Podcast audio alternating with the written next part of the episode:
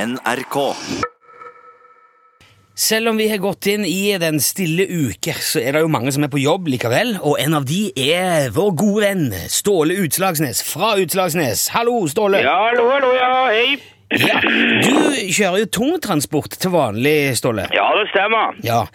Blir det mye lange turer på det nå i, i påske òg, da, eller? Ja, jeg kjører jo mellom Utslagsnes og Fettvika. Det er jo det er tolv mil. Ja. Så så mye lenger enn det, det er jo sjeldent. Å ja, du, men kjører du kun, kun den strekningen? Ja, jeg har vært i Tromsø også en gang, men eh, Nei, det blir mest til Fettvika. ja. Ja vel. Men er det, er det nok handel og transport mellom Utslagsnes og Fettvika til at det lønner seg? å Ja, drive- det kommer jo an på. Noen ganger er det litt fisk, og så kan det kanskje være bare litt post en dag, og så er det litt varer til butikken, eller Ja. kanskje noen bildeler til verkstedet på Knokhaugen, og så Ja, og så er det hjemmebrent. Ja. Heimbrent? Ja, det er det jeg kjører mest av. Det er jo det er så å si daglig. Men det, er- det er jo ulovlig. Ulovlig. Ja! Og Hva i all verden mener du med det? Og Hjemmebrent er jo ulovlig, Ståle. Ikke fortell meg at du ikke vet. Ja, det er godt mulig, men det er jo da faen ikke ulovlig å kjøre hjemmebrent. Ja, men ja, Altså Men det er Det er jo ulovlig å lage hjemmebrent, det er ulovlig å selge hjemmebrent og kjøpe hjemmebrent. Det er sikkert ulovlig å drikke hjemmebrent òg, men det er da ikke en kjepp Altså- som kan nekte å ha hjemmebrent i biler.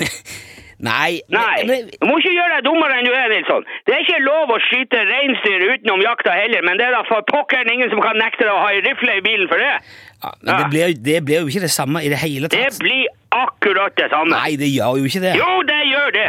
Jakt er jo i hvert fall lovlig innimellom, men det er jo ingen heimebrentsesong, Ståle. Det er ulovlig hele året. det. Men jeg drikker ikke hjemmebrent, sier jeg jo. Hører du det? Nei. Jeg bare kjører det fra det gamle havnelageret på Utslagsnes til kystbåtkaia i Fettvika. Men Dette her, det er jo kriminell virksomhet i stor skala, Å, Ståle. Du, herre min hatt. ja, Hva skjer med denne spriten når han kommer til Fettvika, da? Han lastes på kystbåten og kjøres ut til Spritholmen.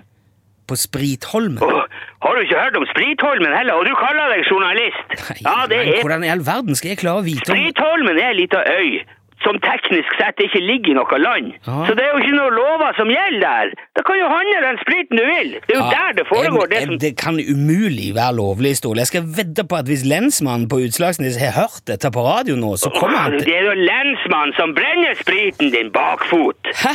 Du sitter nede i sørgropa der og tror at Vinmonopolet har, har m- monopol på å selge brennevin. Ja, altså- selvfølgelig gjør jeg det. Ja. Ja, ja, gjør du nå det? ja, jeg gjør det. Det er jo derfor det heter Vinmonopolet. For det er et monopol. Et monopol er et spill med lekepenger.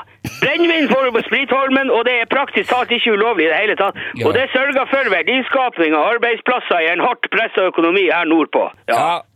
Greit. Ja. Så da, men da skal du jobbe med dette her hele påsken, altså? For den nordnorske spritmafiaen? Jeg, jeg kjører godt norsk håndverk til fornøyde kunder fra inn- og utland. Og bidrar til å holde hjulene i gang. Ja, Skjønner du? ok. Ja. Du må ha lykke til, og god påske, Ståle. Takk for at du var med og fortalte om dette. her. Jeg vet ikke hvor altså- smart det var, men eh, i alle ja, fall det blir lett for deg å si. vet du. Herre.